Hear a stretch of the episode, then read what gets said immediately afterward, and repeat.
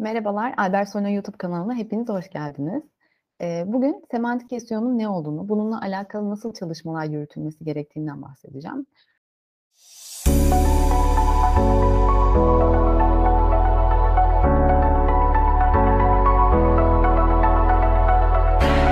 Ee, anlamsal olarak, anlamsal arama, anlamsal SEO olarak da karşınıza çıkabilir semantik SEO.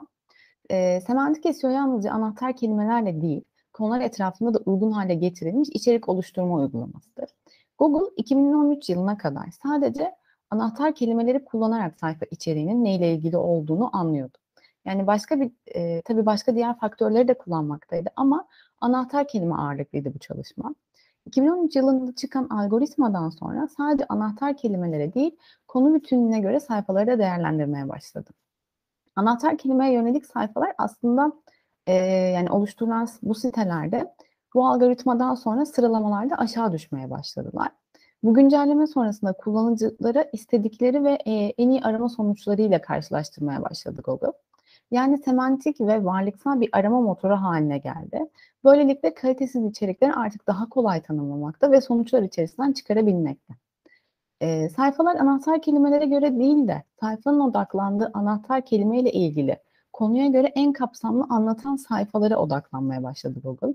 Yani eskiden bir odak kelimeyi sıkça geçirdiğinizde Google bu içeriğin o odak kelimeyle ilgili olduğunu anlıyordu. Fakat artık semantik SEO ile birlikte o kelimeyi sıkça geçirmeseniz dahi içerikleri konu olarak değerlendirebiliyor. Örneğin siz bir sayfada tekrar tekrar stresin etkileri anahtar kelimesiyle e, bir sayfa oluşturduysanız Google bunu demek ki e, bu sayfa stresle alakalı diye anlayabiliyordu. Ama artık algoritmadan sonra bu değişti. Yalnızca anahtar kelimeye bakmak yerine artık sayfanın genel konusuna bakıp anlamaya çalışıyor.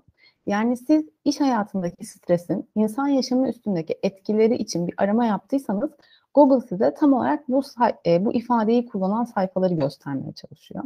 Tabii ki hala anahtar kelimelere bakmakta ama tam olarak güvenmemekte.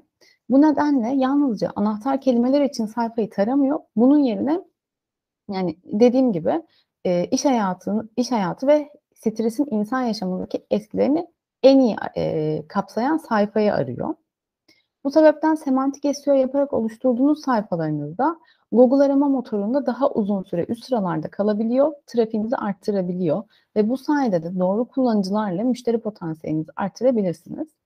Peki semantik SEO nasıl yapılır ve nerelere dikkat edilir?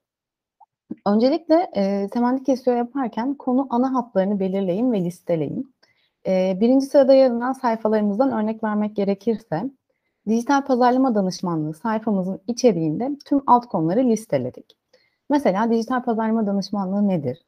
Dijital pazarlama danışmanlığı hizmetlerimiz, dijital pazarlama danışmanlığı şirketinize nasıl fayda sağlar? Dijital pazarlama danışmanı nedir? Dijital danışmanlık nedir gibi. Bununla alakalı arama sonuçlarında kullanıcılara bu sorular da soruluyor kısmına dikkat edebilirsiniz. İçeriğinizde bu soruları yanıtladığınızda yalnızca hedef anahtar kelimeniz için daha iyi bir sıralama elde etmekle kalmayacak. Aynı zamanda da bu, konu, kullanıcılar da soruyor kutuların içinde görünebilirsiniz. İkinci olarak anahtar kelimeleri yok saymayın. Evet Google artık konu bütünlüğüyle sayfaları ele almakta.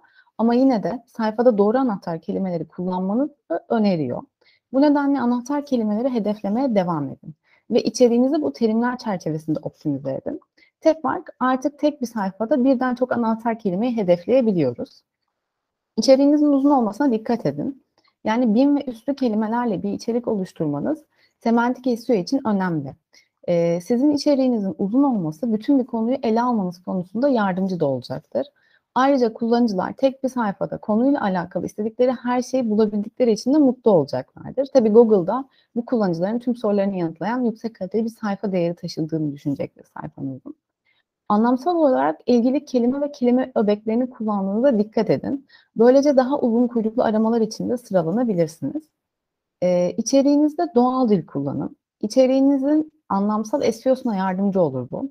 Ayrıca içeriğinizin büyüyen bir arama segmenti için optimize eder. Yani özellikle Google'daki sesli aramalar için bu doğal dilin kullanımı çok önemli. Yapılandırılmış veri kullanın. E, yapılandırılmış veriler Google'un içeriğinizi anlamasına yardımcı da olacaktır. Son olarak da sayfanıza gelen kullanıcıları uzun süre tutmak için bazı e, medyalar kullanarak sayfanızı daha eğlenceli hale getirebilirsiniz. E, bugünlük anlatacaklarımız bu kadar. Bizi dinlediğiniz için teşekkür ederiz. Sorularınız olursa Albert Solino iletişim kanallarından bizimle irtibata geçebilirsiniz.